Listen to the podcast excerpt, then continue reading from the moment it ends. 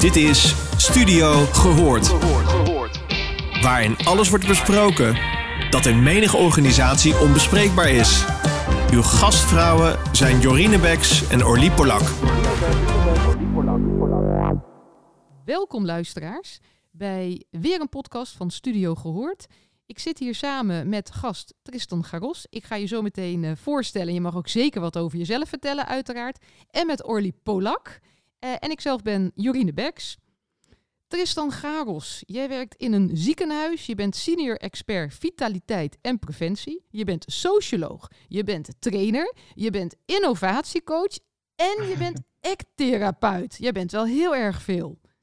Ja, nou, als je het zo, uh, zo uh, bij elkaar uh, allemaal vertelt, dan, dan klinkt dat inderdaad wel als heel veel. Maar het, het klopt allemaal en het is iets wat ik inderdaad ook met heel veel passie en ook heel fijn vind om te doen. En ja, dat is ook, het is een beetje op mijn pad gekomen ook. Het is niet dat ik als klein jongetje dacht van, oh laat ik eens therapeut worden in een speciale richting. Maar ja, daar wil ik best wel ook iets over vertellen. Gedurende mijn leven en ook mijn werk ja, zie je gewoon dat dat heel handig kan zijn om beter mensen te kunnen helpen in hun werk. Dus uh, vandaar.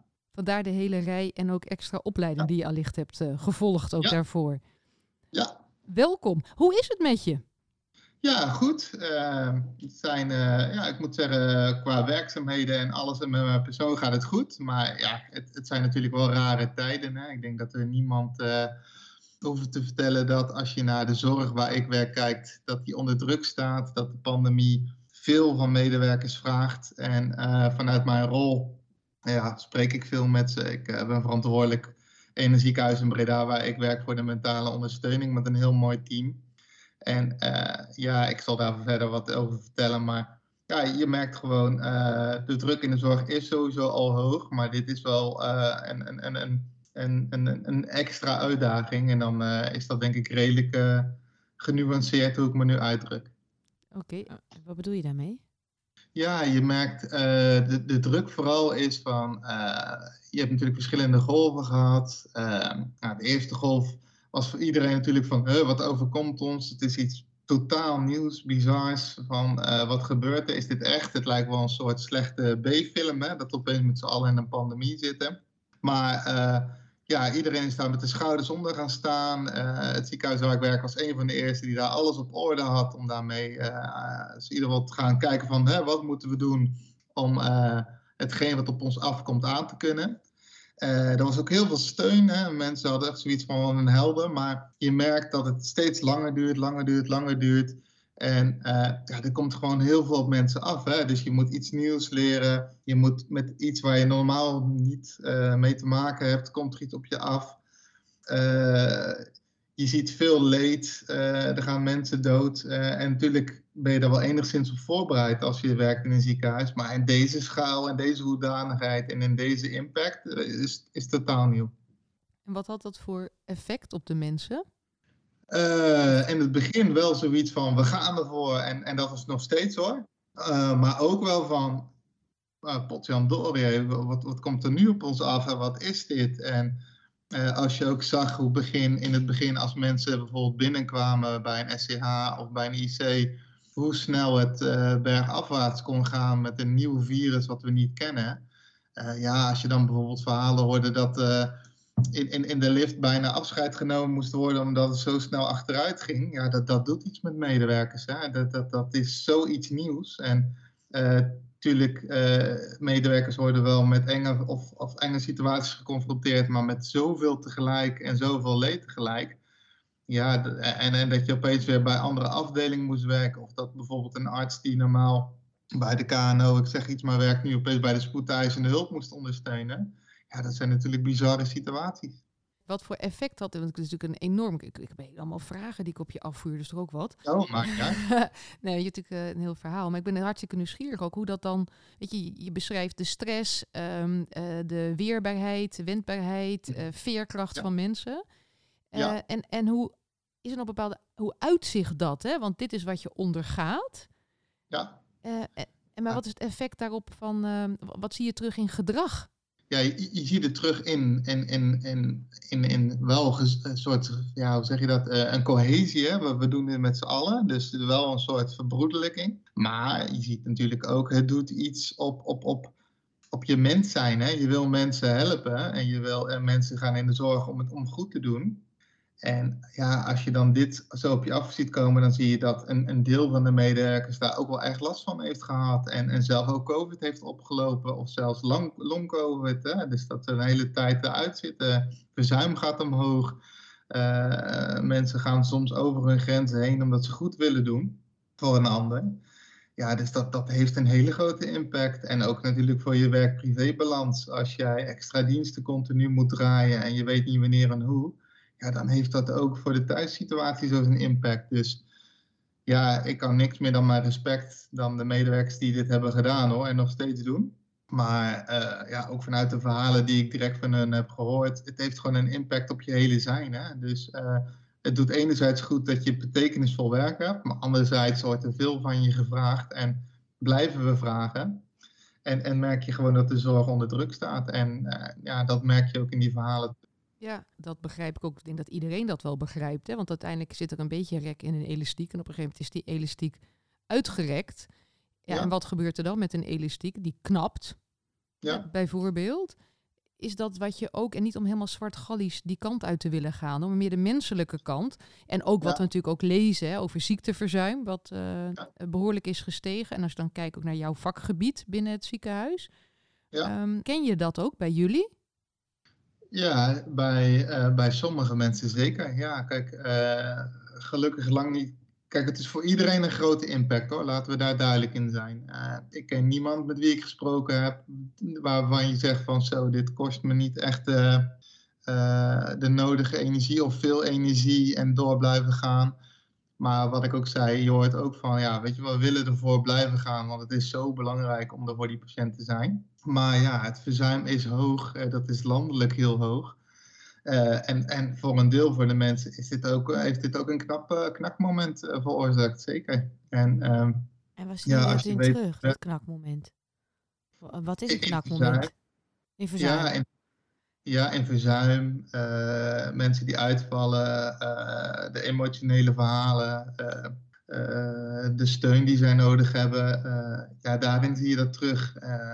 En voor een deel denk ik ook wel uh, een vorm van frustratie. Hè? Dat je denkt, potverdorie, uh, er zit ook wat onmacht. Dat je niet kan helpen zoals je wil helpen bij sommige mensen. En uh, vooral dat. En, en, kijk, het ene verhaal is dat je van iemand hoort die gewoon nog nooit zoveel mensen die overleden zijn hebben meegemaakt. Hè? Waar je op voorbereidt. En een ander bijvoorbeeld uh, uh, niet alleen een verpleegkundige, maar iemand die bij facilitair werkt en het eten, dat hartstikke belangrijk is. Ja, die mensen zijn helemaal niet getraind voor al het, wat, alles wat voor hun afkomt. En die, en die ondergaan dat ook toch maar even. Hè? Dus, uh, maar wat doen ze? Even, even heel, wat, want dit is, weet je, dat, dat hele, wat je zegt, van hoe je het, uh, het waarom hè, en ja. de beleving. Maar ja. als je gaat, ik loop binnen in jouw ziekenhuis en en uh, ik kom ook, zeg maar, achter de voordeur, om het zo te zeggen. Ja. Dus ik kom in ja. een um, uh, koffiekamer, kom ik terecht ja. en ik zit daar. Of ik kom bij de facilitaire dienst. Wat, wat, ga, wat voel ik daar dan? Wat beleef ik? Wat zie ik qua gedrag? Ik kijk naar binnen. Wat je dan ziet, um, nou ja, zoals ik zei, uh, je merkt wel een soort sfeer van, weet je wel, we gaan er samen voor. En dat, dat voel je. En ook in de, in, in de gesprekken. En iedereen die ik ken is gewoon nog steeds uh, strijdlustig en, en, en we gaan ervoor en we willen dit tot een goed eind. Maar je merkt ook dat, dat er een soort, ja, niet moedeloosheid, maar als je kijkt naar de definitie van duurzame zetbaarheid, wanneer blijf je inzetbaar als je perspectief hebt? En dat perspectief wordt steeds verder geplaatst. Hè? Dus je dacht eerst van nou, als er vaccins te zijn of als er genoeg mensen gevaccineerd zijn, dan, dan komt er een eind aan. Maar je ziet dat veel mensen verlangen naar hun eigenlijke werk en wat, waar ze energie van krijgen. En dit, dit komt er allemaal bij. En je hebt natuurlijk ook de stress van je hebt inhaalzorg. Je hoort ook de verhalen van het leed van mensen die nu niet behandeld kunnen worden. Nou, dat doet iets met medewerkers. Hè? Want zoals ik in het begin zei, je wil de beste mogelijke zorg leveren. En als je dan opeens mensen moet gaan afzeggen die ook zorg nodig heeft, ja, dan, dan, dan, dan doet dat letterlijk pijn in hun zorghart. Hè? Want dat is niet waarvoor je het doet. Nee, en, en als je gaat kijken naar de patiënten die binnenkomen, korte nachten, korte lontjes of stress, frustratie, is dat ook gestegen of niet binnen het ziekenhuis? Ja, zeker. Ook binnen ons ziekenhuis is dat gestegen en landelijk ook. Hè. Als je helaas al kijkt naar het journaal, dan zie je dat er zelfs bij ziekenhuizen extra bewaking nodig is. En je merkt bij ons helaas ook dat de lontjes korter worden. Hè. Dat familie niet altijd begrijpen dat ze op dat moment niet aanwezig mogen zijn of niet naar binnen kunnen. Of uh, mensen die geen mondkapjes op willen en dat soort dingen. Uh, ja, je merkt wel dat het, het punt is van dat, dat die sfeer inderdaad, als je naar eerdere golven kijkt, wel aan het omslaan is. En, en dat de waardering echt wel hoog is, ook van een heel groot deel van de mensen wel. Maar dat dit soort gedoe van mensen die vechten voor het leven van je familie en dat die dan ook nog worden uitgescholden, ja, dat vind ik bijvoorbeeld echt onbegrijpelijk. Dat je, dat je dat doet. Of je nou met maatregelen eens bent of niet. Je gaat toch niet de mensen die er voor jouw familie zijn of voor jou uitschelden of intimideren. Dat, dat, dat, dat, dat uh, gaat er bij mij niet in. En dat gebeurt wel steeds meer. Ja, dat is heel triest. En hoe is de opvang? Want je zei ook net van, ik had allemaal uh, schoonmakers die zien in één keer uh, allemaal mensen die aan het sterven zijn. Daar zijn ze helemaal niet gewend. Hoe gaat het ziekenhuis daar dan mee om? Want het lijkt me nog wel een trauma eigenlijk wat je, wat je beschrijft. Nou, voor sommige. Kijk, je probeert natuurlijk mensen zoveel mogelijk te beschermen. Hè? Maar kijk, met sommige dingen komen, komen ze in een aanmerking, uh, helaas, voor aanraking. Maar we hebben een, een, wel een goed programma. We hebben peer supporters. Dat zijn uh, interne medewerkers die opgeleid zijn om een luisterend oor en mensen te begeleiden met dit soort situaties. Onze interne psychologen ondersteunen ons. Uh, we gaan met externe partijen hebben ondersteuning gehad. Dus uh, op zich wordt, werd daar ook wel goed gebruik van gemaakt. En ben ik eigenlijk wel heel trots hoe we dat op orde hebben. Maar ja, het belangrijkste is inderdaad dat luisterend oor zijn. Hè? En dat een teamcohesie er is. En dat je met elkaar afspraken maakt. En dat mensen hun emoties kunnen delen met elkaar. Ik denk dat dat het allerbelangrijkste is. zodat je in ieder geval je hart kan luchten. En hoe heftig een omgeving ook is, als je het in ieder geval intern goed hebt, of dat er in ieder geval genoeg openheid is, ja, dan is dat heel goed voor je weerbaarheid. Dus daar proberen we heel veel op, uh, op uh, te investeren. En is die er ook?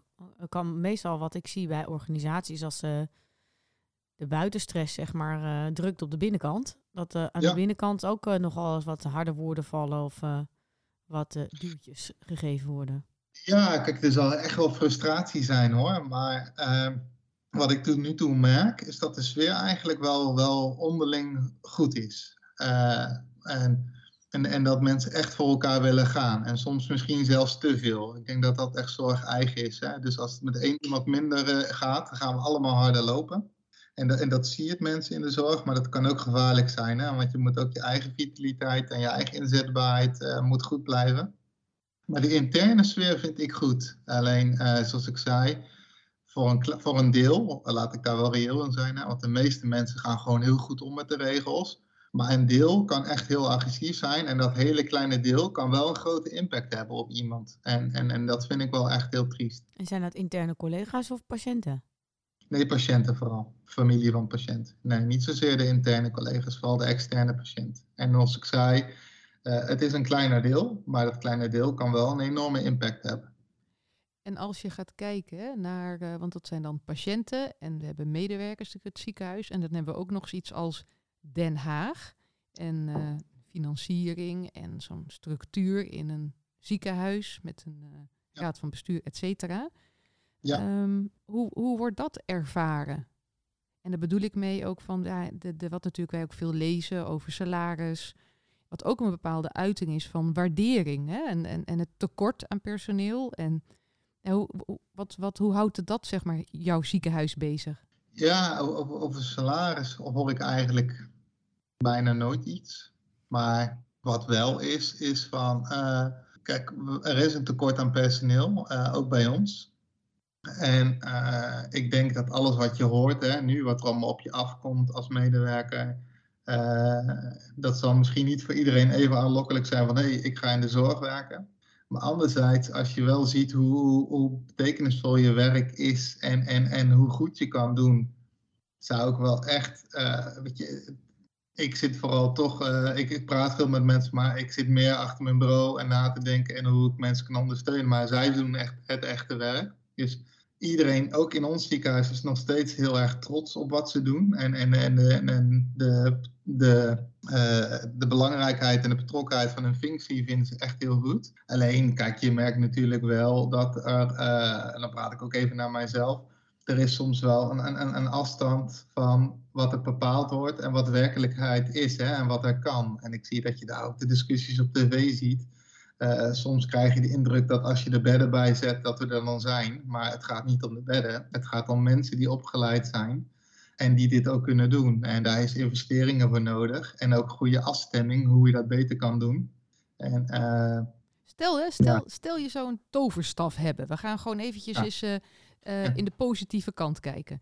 Wat denk jij dat, wat gaat helpen? Dus als jij een toverstaf had, wat zou jij zeggen? Maar deze punten twee, drie, misschien vier punten. Als we dat geregeld krijgen, dan gaan we een hele stap vooruit. Want je zegt het al, de medewerkers zijn gemotiveerd, die zijn loyaal, die hebben het hart, uh, hart voor de patiënt. Daar ligt het niet aan. Maar we hebben handentekort, et cetera. Dus ik zeg, ik, ik, vol creativiteit. Tristan, ja. wat zeg jij? Maar dat, dat gaat echt helpen.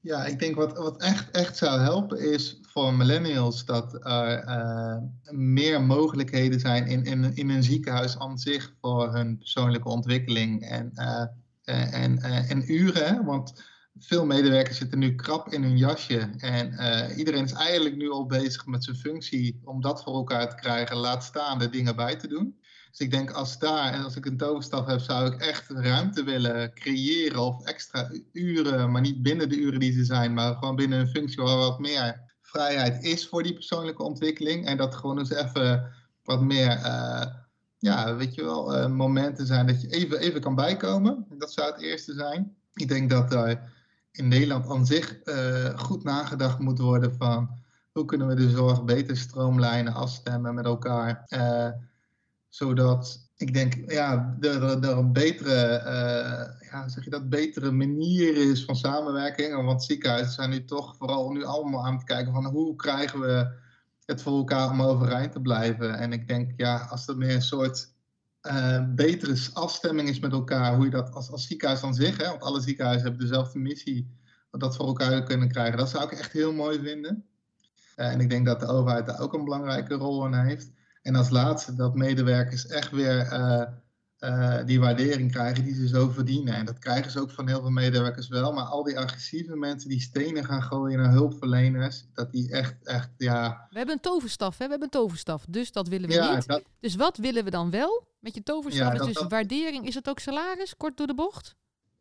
Ja, ik, ik weet, ik, denk Nee, ik denk niet dat mensen die in de zorg gaan werken, die denken denk niet eens aan salaris. Die gaat het er ook gewoon om. Ik wil de beste zorg voor de medewerkers. Dus ik zou dan die wachten. Als we een kantoorstad zou hebben, wachtrijen weg.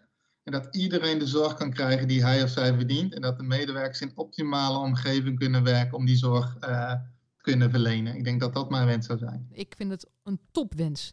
Dankjewel ja. Tristan voor jouw tijd en een kijkje ja. in, in jouw wereld. En uh, voor ja, je tover, uh, de laatste toverstafslag. Fijne dag nog. Dankjewel. Oké. Okay. Dank. Doeg. Doeg.